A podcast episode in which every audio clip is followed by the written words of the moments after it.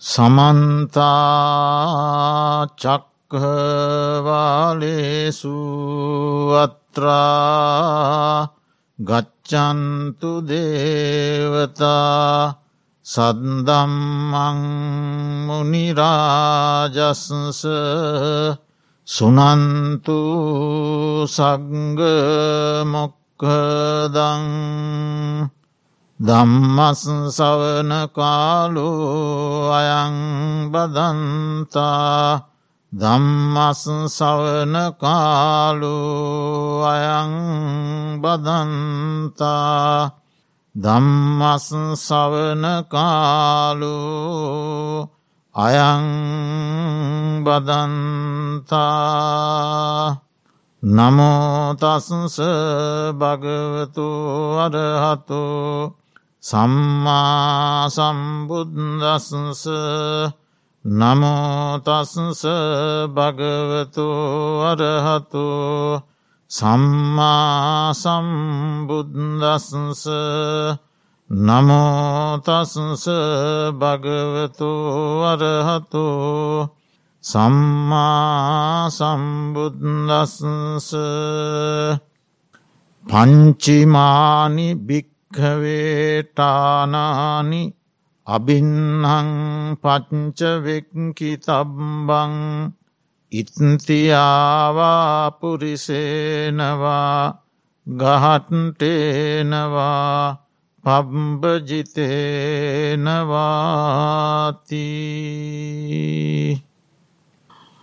ශ්‍රද්ධාවන්ත කාරුණික පින්වතුනි ටෙක්සාස් බෞද්ධ භාවනා මධ්‍යස්ථානයෙහි දෙදහස් දහනමය වර්ෂයෙහි වස්සාන කාලයේ පවත්වනු ලබන ධර්මදේශනා මාලාවෙහි තවත් එක් ධර්මදේශනාවක් දිලීප සපුමාන මහත්මාගේ රේනා සපුමාන මහත්මියගේ සහ දරුවන් දෙදෙනගේ දායකත්වයෙන් හිතවතුන් අපේ දායක දායිකාවන්ගේ සහභාගීත්වයෙන් සිදු කෙරෙන අවස්ථාව. සියලු දෙනා සූදානන් වෙන්නේ ධර්මශ්‍රවනය කරන්නට. බුදුරජාණන් වහන්සේ දේශනා කළ ධර්මය මුල මැද අග යහපත් බැවින් ස්වක්කාතයි. ඒ මනාව දේශනා කළ ධර්මයක්.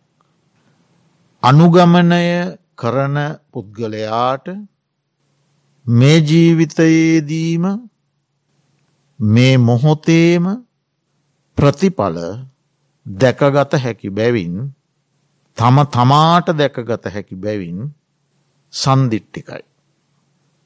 කල් නොයවා විපාක දෙන බැවින් අකාලිකයි. එව බලව කියලා ආරාධනා කරන්නට පෙන්වන්නට සුදුසු බැවින් ඒහි පස්සිකයි. තම තමන්ගේ චිත්ත සන්තානයන් වෙතට පමුණවාගන්නට සුදුසු බැවින් ඕපනයිකයි. නුවනැත්තං විසින් තම තමන්ගේ නුවනේ පමණින් දැනගත හැකි බැවින් පච්චත්තං වේදිතබ්බෝ විඤ්ඥූහි යනාදී උදාර ගුණයන්ගෙන් සමන්විත වූ දහමක්. ඉතිං ඒ ධර්මය දේශකයාගේ අඩුපාඩු සෙවීමේ අදහසින් තොරව ගුණමක්කු නොවී මෙයින් මම යමක් ඉගෙන ගන්නවාය මගේ ජීවිතයට යම් ආදර්ශයක් එකතු කරගන්නවාය මම මේ ධර්මය දුකෙන් නිදහස්වීම පිණිස්ස උපකාරක ධර්මයක් කරගන්නවාය කියන අදහසින්.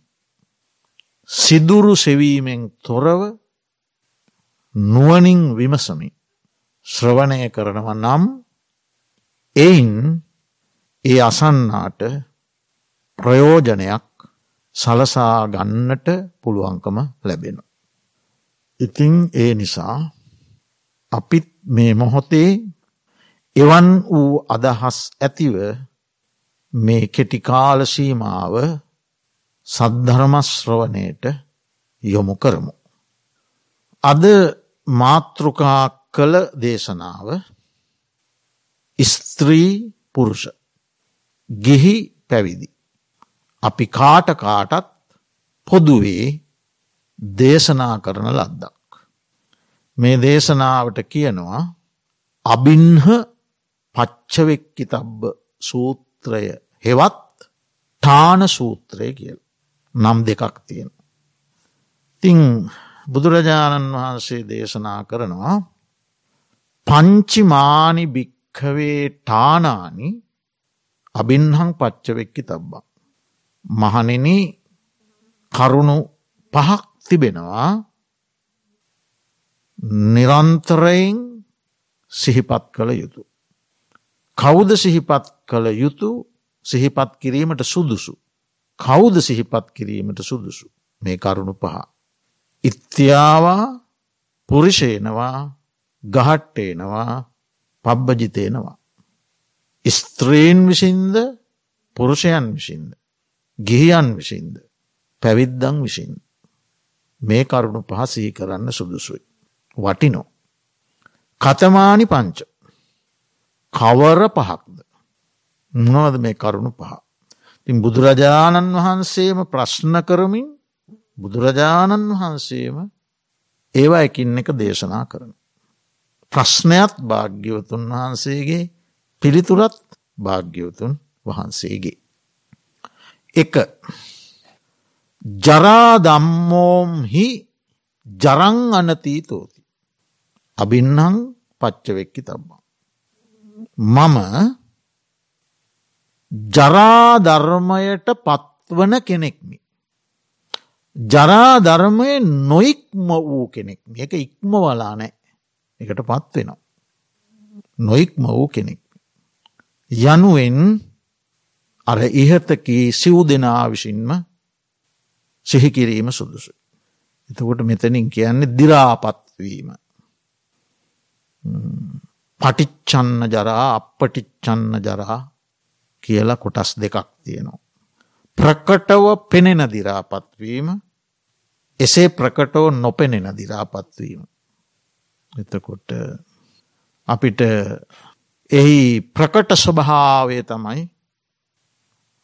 ඔය කණ්ඩිච්චං පාලිච්චං වලිත්තචතා ආයුනෝ සංහානි ඉන්ද්‍රයානම් පරිපාකෝ ආදී වශයෙන් දක්වලා තිබෙන්නේ.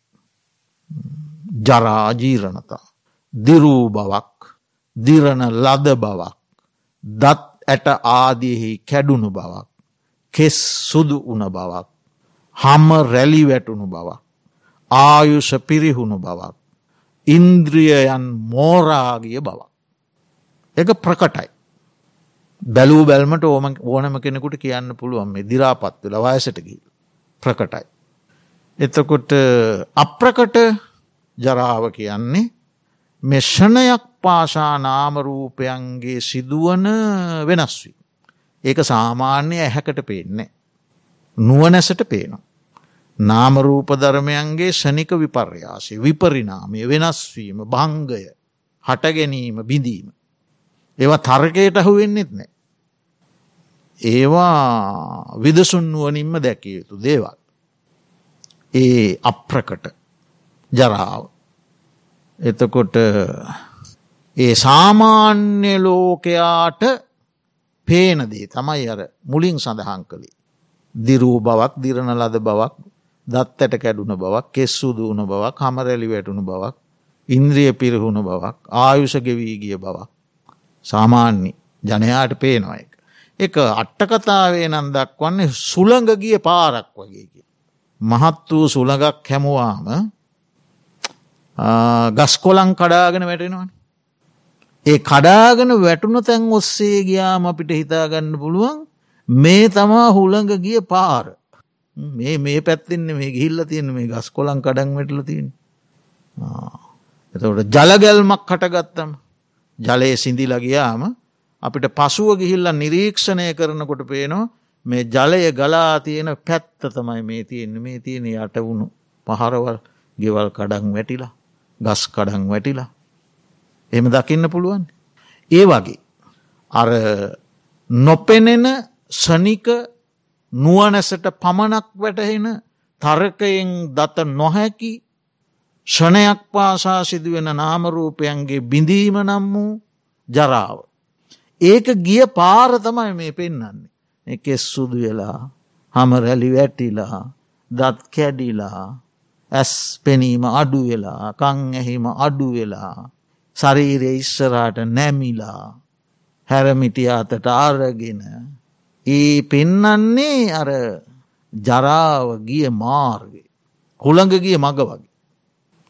ඉතිං ඒක සිහි කරන්න කියන. එහෙම දෙයක් එහෙම උරුමයක් මාතුලත් තියෙන. මම එක ඉක්මවල නෑ කියන කාරණය. ඉතිං බුදුරජාණන් වහන්සේම ඊළඟට ප්‍රශ්න කරනවා ඇයි මහන නිමං එහෙම හිතන්ඩ කියන්න. බුදුරජාණන් වහන්සේලාට වෙන කරන්න ධර්ම දේශනා නැතුවද. කිංච භික්කවේ අත්තව සංපටි. මහනෙනි කුමනර්ථයක් පිණිසද. ඔය කියන ලද කාරණය සිතිය යුත්තේ. මොකක්ද ඒ අර්ථය.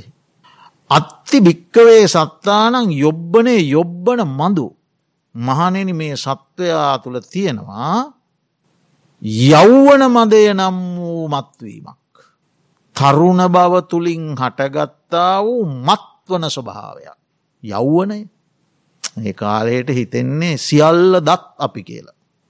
පර පැරැන්නුන්ගේ දැත් දත් ඔක්කොම මේ පරණ හනමිටි අපි තමයි සියල්ල දත් අපිත් එහෙම හිතු. අපිටත් එහෙම හිතුන කාලයක් තිබුණ. ඉතින් මේ යෞවන මදය ඒන මදේන මත්තා කායේන දුච්චරිතන් චරන්ති වාචාය දුච්චරිතන් චරන්ති මනසා දුච්චරිතන් චරන්. මහනෙන මේ යෞවන මදයෙන් මත් වූ සත්වයෝ කයෙන් වචනයෙන් සහ මනසින් දුෂ්චරිතයන්ට පෙළඹවීමක් තියෙනවා. එහි හැසිරීමක් තියෙනවා. එයට යොමුවීමක් තියෙනවා. යෞවන මදේ නිසා. ඉතිං යම් කිසි කෙනෙක් සත්පුරුෂයන් ආශ්‍රය කරලා සත්පුරුෂයන්ගේ අනුශාසනාවන්ට සවන්දීලා ශ්‍රද්ධාව ඇති කරගෙන මෙනෙහිකරොතොත් මමත් මේ දිරාපත්වන කෙනෙක් මේ අපේ අම්ම වගේ තාත්ත වගේ ආච්චි වගේ සීහ වගේ ලොකු අම්ම වගේ ලොකු තාත්ත වගේ අසල්වැසියා වගේ මමත් එහෙම වෙනවා. එහෙම වීමේ ස්වභාවයක් මාතුළ තියෙනවා. ඒක මම ඉක්මවල නෑ. කියා ඔහු කල්පනා කරන්න ගත්තොත් ඔහුගේ චින්තනය වෙනස් වෙන. මුලින් දැරූ ආකල්ප අදහස් සිතුම් පැතුම් ඕගේ ක්‍රමික වෙනස්වීමකට භාජනය වෙන. ඒක අසුභවාදී කියලා හිත නැත්තොත් ඉන්නවා ලෝකෙ එහෙම අසුභයක් නෙවෙයි.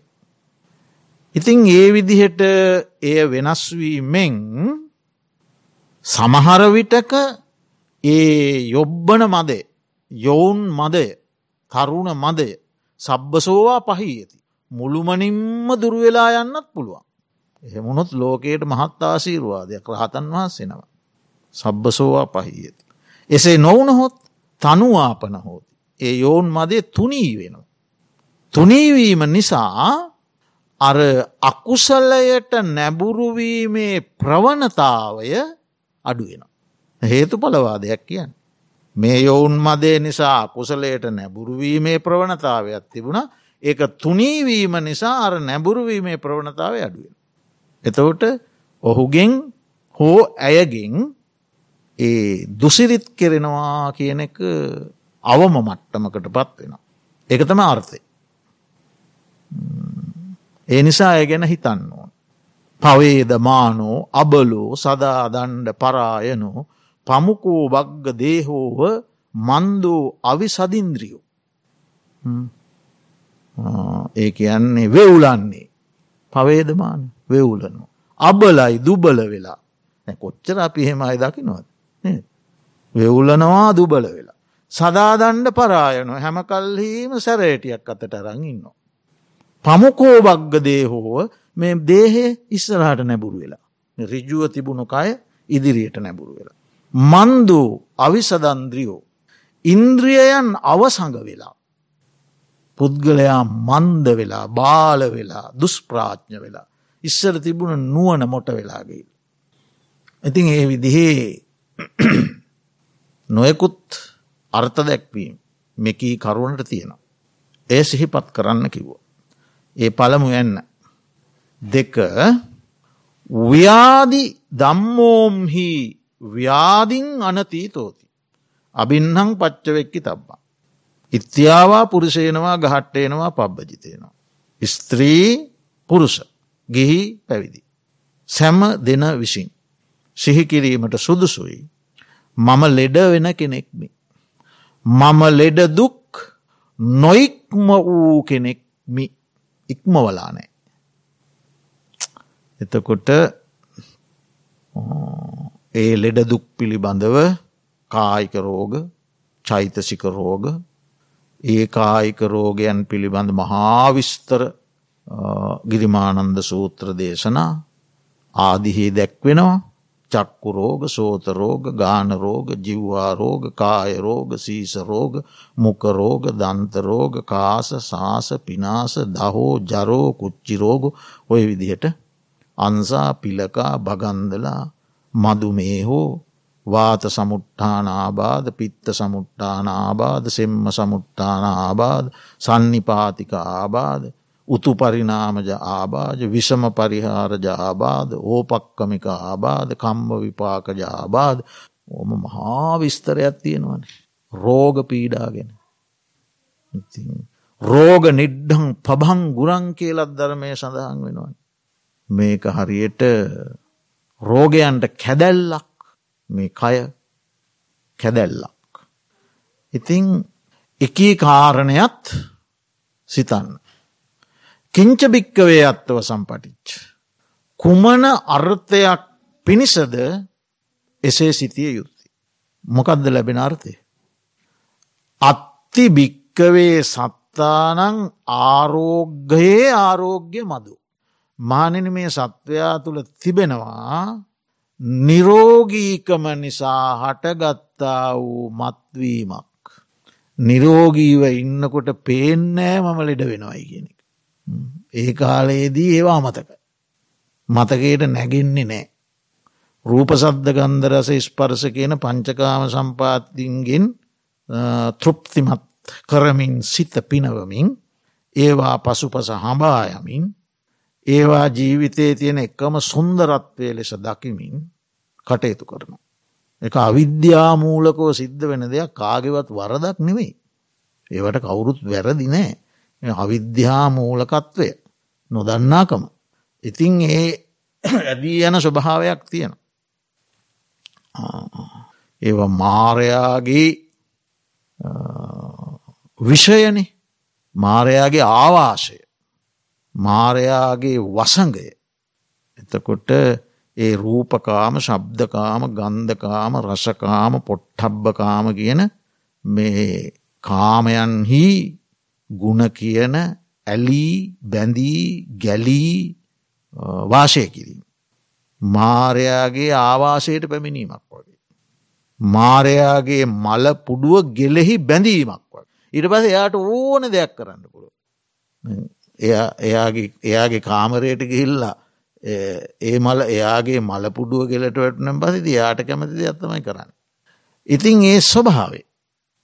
ඉතිං යම් කෙනෙක් මේ කාරණය සිහි කරනවා නම් මම ලෙඩවෙනෝ මම ඒ ලෙඩදුක් නොයික්ම වූ කෙනෙක් කියන කාරණය පුද්ගලයාගේ අර නිරෝගී ආරෝග්‍ය මදය කියන එක තුනී කරන්නට. හෝ මුල්ලු මනින්ම ඉවත් කරන්නට. උපකාරක ධර්මයක් වෙන. එතකොට එසේ තුනීවීම නිසා අන්නෝගේ අර මුලින් තිබුණ චින්තන රටාවන් වෙනස් වෙන. සිතන ආකාරය වෙනස් වෙන. ඒ නිසා ඔහු දුෂ්චරිතයන්ට පෙළඹීමට තියෙන ප්‍රවණතාවය අඩුවෙන. එකත් එක මදයක්. ඉතිං බුදුරජාණන් වහන්සේ දේශනා කළ ඔය කාරණය හොඳට තේරෙන්න තමනුත් අබල දුබල වෙන්න ඕ. හැමෝට මෙමන මේ සමහරුන්ට තේරෙන්නෙම එම අබල දුබල වනාම එතකන් තේරෙන්නේ. තිං නිතර වෛද්‍යවරු මුණ ගැසෙන්ට යන්න අවස්ථාව ලැබෙන්න ඕනේ. නිතර වෛද්‍ය පරීක්ෂණ නිතර බෙහෙත්තේත් ගන්න තත්ත්වයට පත්වනාම ටික ටික ඒ පැත්ත ගැන හිතන්න පටන් ගන්න. බැ සමහරය එහෙම වෙන්න ඉස් මුලින් වෙන්නත් කලින් ඉදර හිතනවා. ලෝක ස්වභාවය පිළිබඳව. ඉ ඒකත් එක කාරණය. ඊළඟට තුන්වෙනි කරුණ මරණ දම්මෝම්හි මරණං අනතීතෝති. අනිත් කරුණු ටික ඉහත කියාකාරයමයි හැම කෙනෙක්ම සිතියේ විතුයි සිතන්නට සුදුසුයි මම මැරණ කෙනෙක්. මරණය නොයික්ම වූ කෙනෙක්. ඉක්ම වලා නෑ. කිංචභික්කවේ අත්තව සංපටිච්ච. ඇයි කුමනර්ථයක් පිණිස දෙසේ සිතිය යුත්තේ. අත්තිභික්කවේ සත්තානන් ජීවිතයේ ජීවිත මදු. මානන මේ සත්වයා තුළ තිබෙනවා මේ ජීවත්වීම මම ජීවත්වෙන කෙනෙක් ජීවිතය මගේ ජීවිතය කියන මත්වීමක්. එතකොට නිරෝධය පැත්ත මරණය පැත්ත විපරිනිවාමය පැත්ත ශයවීම පැත්ත වැයවීම පැත්ත පේන්නේ. පේන්නේ හට ගැනීම පැත්ත සමුදය පැත්ත වැඩෙන පැත්ත ඒ පැත්ත පේන්නේ. හැම මොහොතෙම සිද්ධ වෙනවා මේ නිරෝධයක් වැෑවීමක් ශයවීමක් විපරිනාමය ඒ පැත්ත පේන්නේ ඒ ජීවිත මදේ ස්වභාවේ. එතකොට ඒ ජීවිත මදයෙන් මත්වීම නිසාත් ඉහතකී සිව් පිරිසම ස්ත්‍රී පුරුස ගිහි පැවිදි. කවුරු කවුරු වනත් කාය දුෂ්චරිත වචී දුෂ්චරිත මනෝදුෂ්චරිතයන්ට නැබුරුවීමේ ප්‍රවණතාවයක් තියෙන. ඒ නිසා හිතන්ට සුදුසුයි මම මැරෙනවා කියන කාරණ. එසේ සිතනවා නම් මුලින්කී ආකාරයටම ඔහුගේ ජීවිත මදේ තුනී වෙනවා නැත්නම් මුළුමනින්ම දුර්වෙලායන. එවිට දුෂ්චරිතයට නැබුරුවීමේ තත්ත්වය වේගය අඩුවෙන. කුසලේ පැත්තටත් හිත නැබුරු වෙනවා. එයින් ලැබෙන ආනිසංස පිළිබඳව අපි කතා කළොත් ඒක දම්මෝ භික්කවේ භාවිතෝ බහුලී කතු ඒ කන්ත නිබ්බිධාය විරාගාය නිරෝධාය උපසමාය අභිඤ්ඥාය සම්බෝධාය නිබ්බානාය සංවත්තති. කතමයක දම්මෝ මරණානුස්සති. මම මැරණ කෙනෙක් කියලා හිතනවනං අහනින එය ඒ සිතීම ඒ අදහස එය නැවත නැවත බහුල කිරීම බහුලී කෘත කිරීම වැඩීම කලකිරීම පිණිස හේතුවෙන. මේ ස්කන්දධාතු ආයතනාදී මේ ගැඹුරු දහම් පිළිබඳ අවබෝධය ලැබෙනවා. සංසාර ගත ජීවිතය පිළිබඳ කලකිරීමක් ඇතිවෙනවා ඒ නිසා නොයල්මක් ඇතිවෙනවා ඒ නිසා නිරුද්ධ වී යනවා.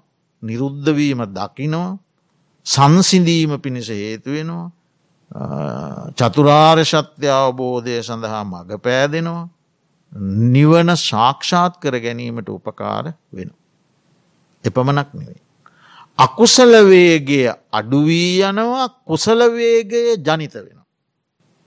අස්සාජානීය පතෝද සූත්‍රය අනුව කුසලවේගේ ජනිත වෙන. ඊළඟට විශුද්ධිමාර්ගයේ මරණානුෂ්‍යති නිර්දේශයේ ආනිශංස පැත්ත බැලුවොත් සතතන් අපමත්තෝ සැම කල්ලි සිහියෙන් යුක්ත කෙනෙක් වෙන. සිහිය දියුණු වෙනවා. හැබැයි දිගින් දිගට මේක භාවිත කළොත් සිහිය දියුණු වෙනවා. එයා පියවර ඔසවද්දි පියවර තබද්දි ඉදිරියට යද්දි ආපසු හැරෙද්දි. මේ ආදී හෑම ක්‍රියාවකම එයා දකිනවා අමරණයක්. මේ සෑම ක්‍රියාවකම එයා දකිනවා විපරිනාමයක්. මේ සෑම ක්‍රියාවක මෙයා දකිනවා නිරුද්ධ වීයාම. මේ නිරුද්ධ වූදේ නෑත කවදාකවත් මට හමුවෙන්නේ. ලැබෙන්නේ.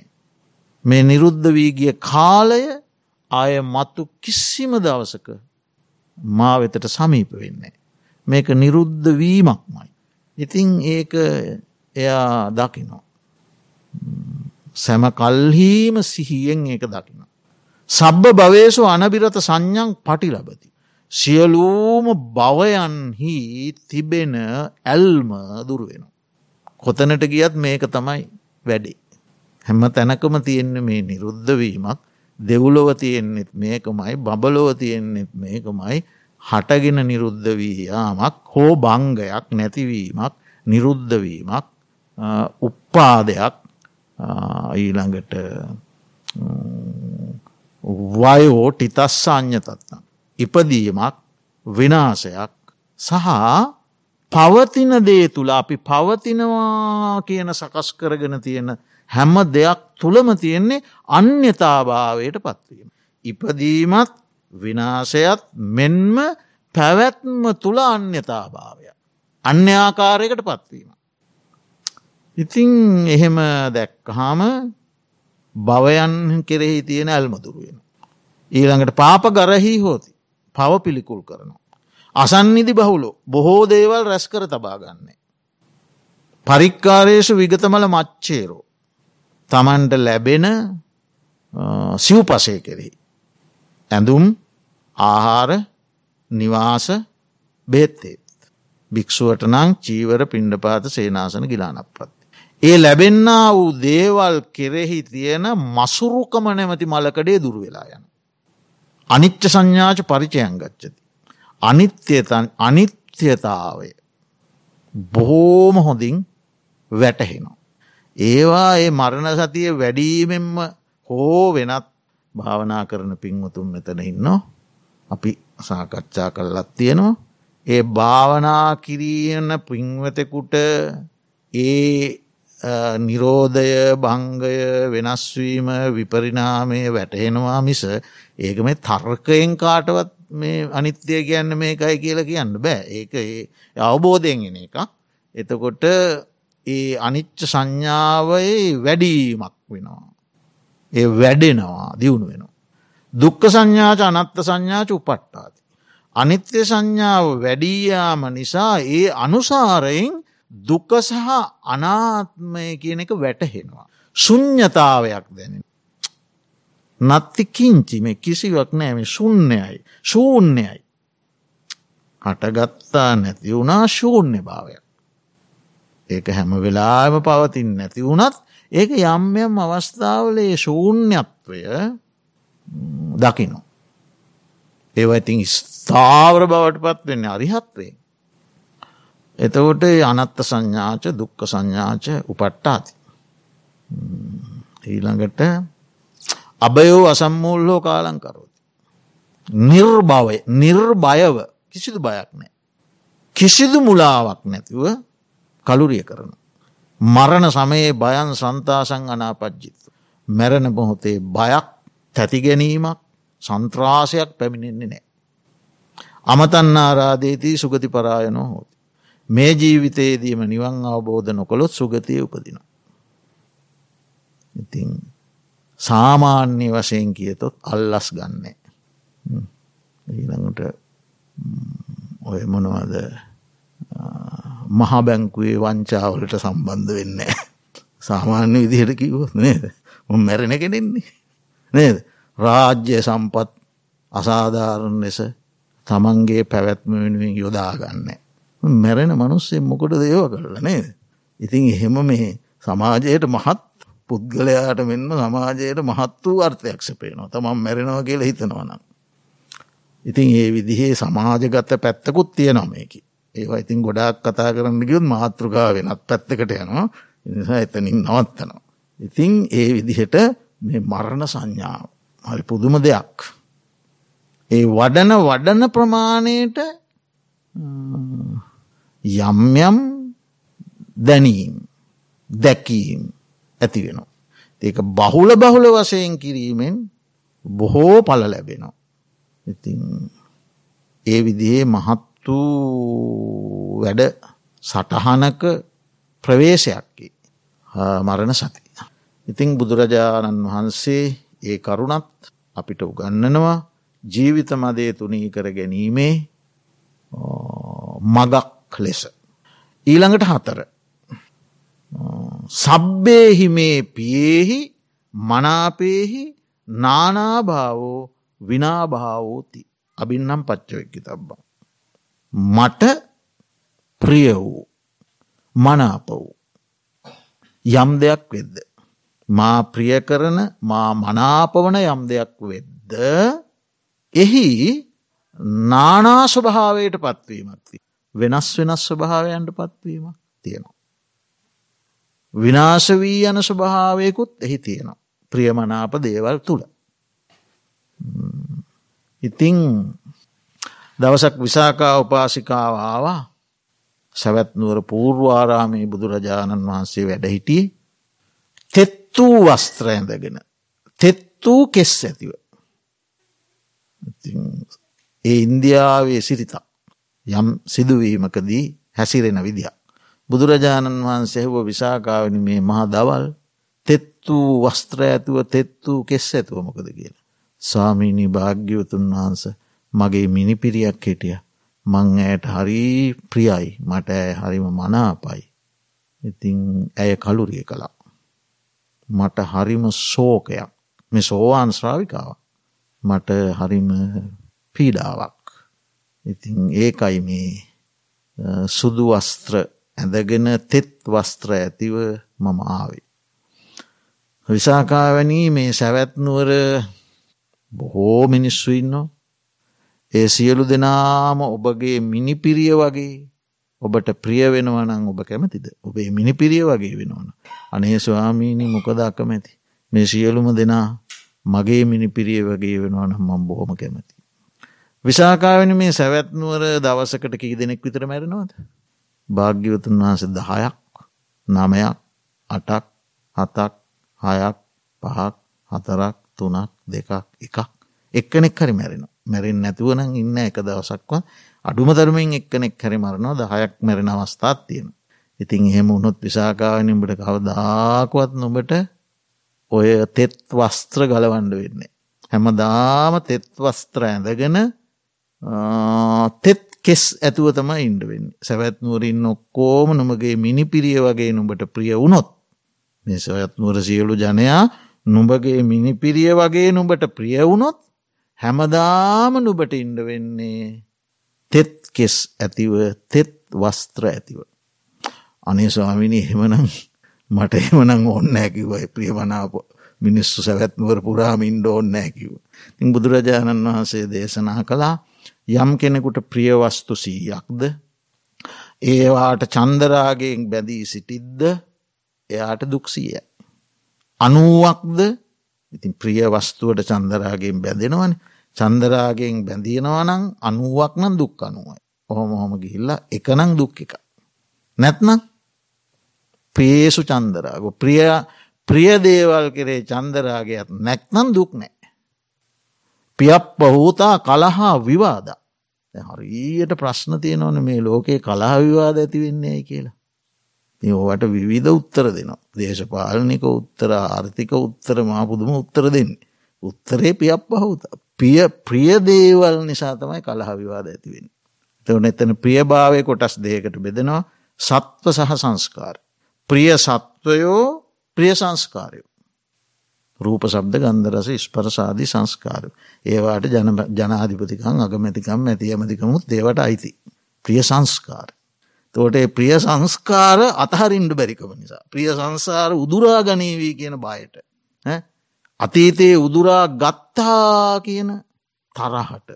දැන් උදුරා ගන්නවා කියන බයට. අනාගතයේ උදුරා ගනීවී කියන සැකයට. හරි ප්‍රියවස්තුවල එහෙම දෙයක් තියෙනවා. උදුරා ගත්තා කියන තරහ තියෙනවා උදුරා ගන්නවා කියලා දකිනකොට උදුරා ගනීවී කියලා මනසින් සැක සංකා හදාගෙන. අන්න එනිසා කලහවිවාදහට ගන්න. ඕ බුදු දහමානුව විවරණය වෙන්න නේකෙන වැඩේ තියෙන ඔය කලහ විවාද තියෙන හැම තැනකම තියෙන ප්‍රිය බව.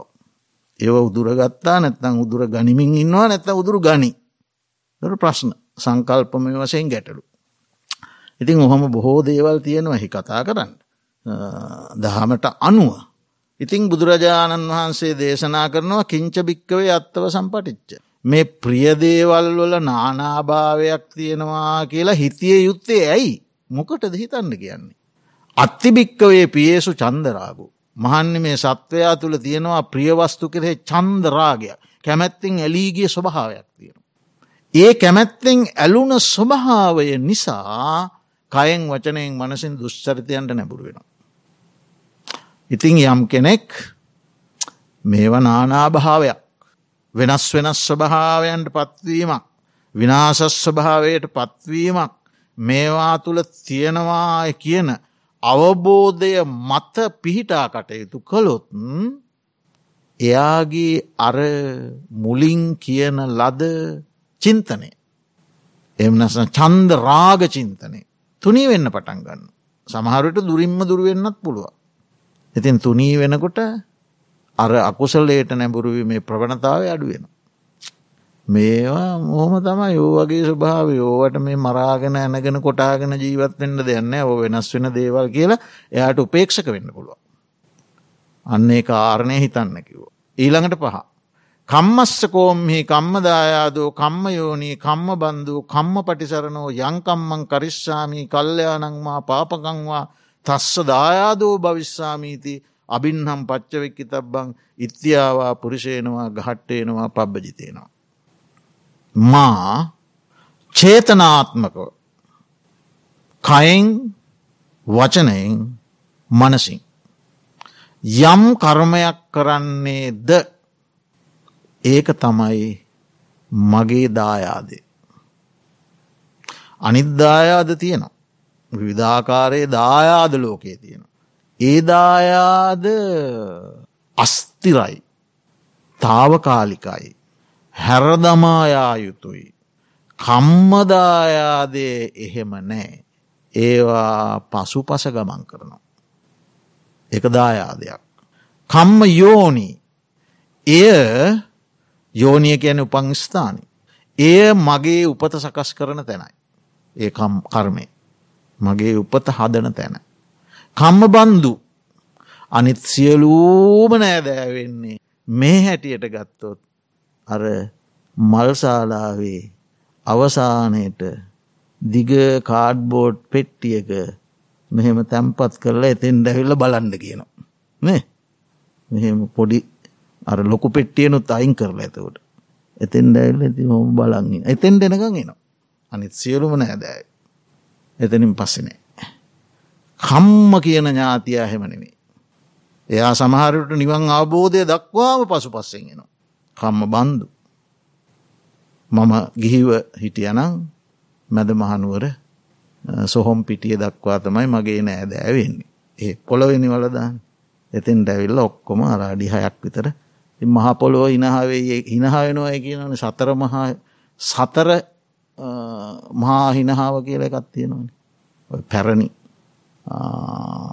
ඉගැන්වීම්වල එයින් එක හිනහාවක් තමයි මිනිස්සු මේ මහපොළොව හෙවත් මේ පටවි ධාතුවට මහත්සේ බැඳගෙන අත්පත් කරගෙන රණ්ඩු සරුවල් වෙමින් වැටට කඩුල්ලට ඉඩමට කුඹුරට කුඹුරට හරවන වතුරටිකට අනුන්ට පාරක් නොදී වැටකඩුළු බැන්තගෙන රන්ඩු සරුවල් වෙමින් මේ මහපොළොවත් එක මහා සටනක් කරලා අන්තිමට අඩි හයක් දිග අඩි දෙකහමාරක් පලල අඩි පහක් විතර යට වලක් කපලා කරමතින් එරංගිහිල්ලා ඕක ඇතුළට දානකොට මහපොලෝ හිනහයලුන අනේ මේ මිනිා ජීවත්ව ඉන්න කාලේ.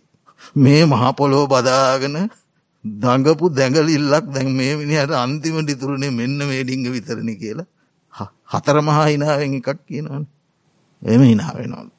ඉතින් මම ගිහිවයිට යනම් මටත් හිනාවෙයි එහෙ සොහොම් පිටියේ.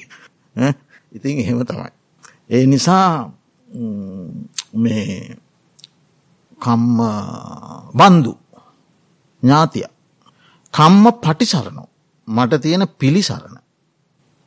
යංකම්මං කරිස්සාමං කරිස්සාමි කල්්‍යයානංවා පාපකංවා තස්සදායාදෝ භවිස්සාමි. මම යම්කිසි කල්්‍යයාන වූ හෝ පාප වූ හෝ යම් යම් කර්මයක් කළේ නම්. ඒ කර්මය පමණක් දායාද වශයෙන් රැගෙන මම යන්නෙමි කියන කාරණය මෙනෙහි කරන්න හිතන්න කිව්ව. කුමන අර්ථයක් පිණිසද මහන නිසේ සිතිය යුත්තේ. අත්ති භික්කවේ සත්තානං කාය දුච්චරිතම් වචී දුච්චරිතම් මනෝජුත්තරිත. මේ සත්වයා තුළ තිබෙනවා කාය දුෂ්චරිතය වාග දුෂ්චරිතය සහ මනෝ දුෂ්චරිතය. තිං යම් කෙනෙක් ඉහතකී ආකාරයට කර්මය යන සංකල්පය මත තමන්ගේ චින්තනය සකස් කරගන්නේ නම් කෙමෙන් කෙමින් ටික ටික නමුත් ඔහුගේ සිත කාය සුචරිතයට වාක් සුචරිතයට මනෝ සුචරිතයට නැබුරුවීමේ ඉඩක් ලැබෙනවා. ඉතිං ඒ කරුණ ගැනත් එනිසා ඒ ආකාරයෙන් සිහිපත් කරන්න කියලා තතාගත සම්මා සම්බුදුරජාණන් වහන්සේ දේශනා කළා. ඉතින් මේ කරුණු පහ හරිම අප ජීවිතවලට බොහෝම ප්‍රයෝජනවත්වේවී කියලා අපි අදහස් කරනවා කල්පනා කරනවා මේ පින්වතුන් මේවා පිළිබඳ අවබෝධයක් කුසලේ පිළිබඳ දැන්මක් දැක්මක් තියෙනවා. ඒ නිසා තමයි මේ පින්කම්වලට කැමැත්තිං සම්බන්ධ වෙලා මේ කටයුතුවල යෙදෙන්නේ. ඒ කාරණය ගැන අපේ සතුට මෙන්ම පුුණ්‍යානුමෝදනාව මේ හැම දෙනාටම යොමු කරමින් අද ධර්මදේශනාව දිලීප සපුමාන මහත්මා රේනා සපුමාන මහත්මිය සහ දරුවන් දෙදෙනා පරලෝසපත් රංජනී සපුමාන ගුරුමාතාව සෙනහෙබර මෑනිය. සිහිපත් කරමින් ඒ මෑණියන්ට පුුණ්‍යානුමෝදනා ශීර්ෂයෙන් සිදු කරනු ලැබුයි. ඒකත් බොහොම වටිනා දෙයක් ඉතිං ආදරණීය අම්මා බුදුරජාණන් වහන්සේ මව්පිය උපස්ථානය බොහොම ඉහලින් අගේ කළ ශාස්තෘූවරයෙක්. ඒ මෑණියන්ට කළ යුතු පරලෝසපත් වූ පසු කළ යුතු සස්ම පින්කම ගෞරවය මේ තුළින් අපි දක්වන්නේ. මේ බොහෝ දෙනාට ධර්ම දේශනාවට සවන්දීමට අවශ්‍ය කරන අවස්ථාව සලසා දීමෙන් මහත්මා සිදු කළ මේ උදාර පින ඒ සෙනෙහෙබර මෑනියන් ඇතුළු කොට ඇති. තවත් දෙපාර්ශවයේම වර්ග පරම්පරානුගත යම්තාක් මිය පරලෝගිය ඥාතීන් වෙත්නම්. ඒ සැම දෙනාටමත්. ධර්මශ්‍රවණය කලා වූ පින්වතුන් නමින් පරලෝසපත් සියලූම ඥාතීන්ට. මේ පින් අනුමෝදන් කරනවා අනුමෝදං වෙත්වා ඔවුනගේ ආයිති භවයන් සුවපත් කර ගනිත්වා ඉතා ඉක්මන් භවයකදීම දුක්ක සමුදේ නිරෝධ මාර්ගයන චතුස් සත්‍යය ධර්මයන් අවබෝධ කරගෙන සදාකාලික සැපෑතියමා මහා නිර්වාණසුවයෙන් සැනසුම පිණිස හේතුවාසනාවෙත්වා කියන පාර්ථනාවෙන් පින් අනුමෝදං කරමු. ඒ වගේම දායකත්වය දරු සපුමාන මහත්මාටත් නොවන මහත්මයටත් දරුවන් දෙදෙනටත් මේ ධර්මශ්‍රවණය කලා වූ පින්වතුන්ටත් මේ පින්කම්මල ආනිසංස බලයෙන් තුනුරුවන් සතු වනන්ත ප්‍රමාණ ගුණානුභාව බලයෙන් නිදුක් නිරෝගී ස්වපත්භාවය සැලසේවා දිගාසිරි සම්පත් සැලසේවා. පැමිණ ඇති පැමිණෙන්න්නට ඇති යම් අපල උපද්‍රවයක් කර්මදෝෂයක් අතුරු අන්තරාවක් මාර්ක බාධකයක් වෙත්නම් ඒ සියල්ල හිරුදුටු ගනා දුරක්ෂයෙන් විහත විද්වංසනය වෙත්වා. සියලු දෙනාගේම මෙලව ජීවිත සැනසිරිදායක සතුටුදායක සුවබර ජීවිත බවට පත්වේවා. බවගමනත් සුවපත් කරගෙන උතුම් අමාමා නිර්වාණ සුවයෙන් සැනසුම පිණිස හේතුවාසනාවෙත්වා දෙවියන් සහිත ලෝකවාසී සියලු සත්වයන්ද මේ පින් දැක සතුටට පත්වෙත්වා ඕනගේ භවගමන සුවපත් වෙත්වා. නිවන් දකිත්වා. අප හැම දෙනාටම චතුරාර් සත්‍ය ධර්මාවබෝධය පිණිස එකසේම පේ පින් හේතුවාසනාවෙත්වා කියන පාර්ථනාව ඇති කර ගනිම.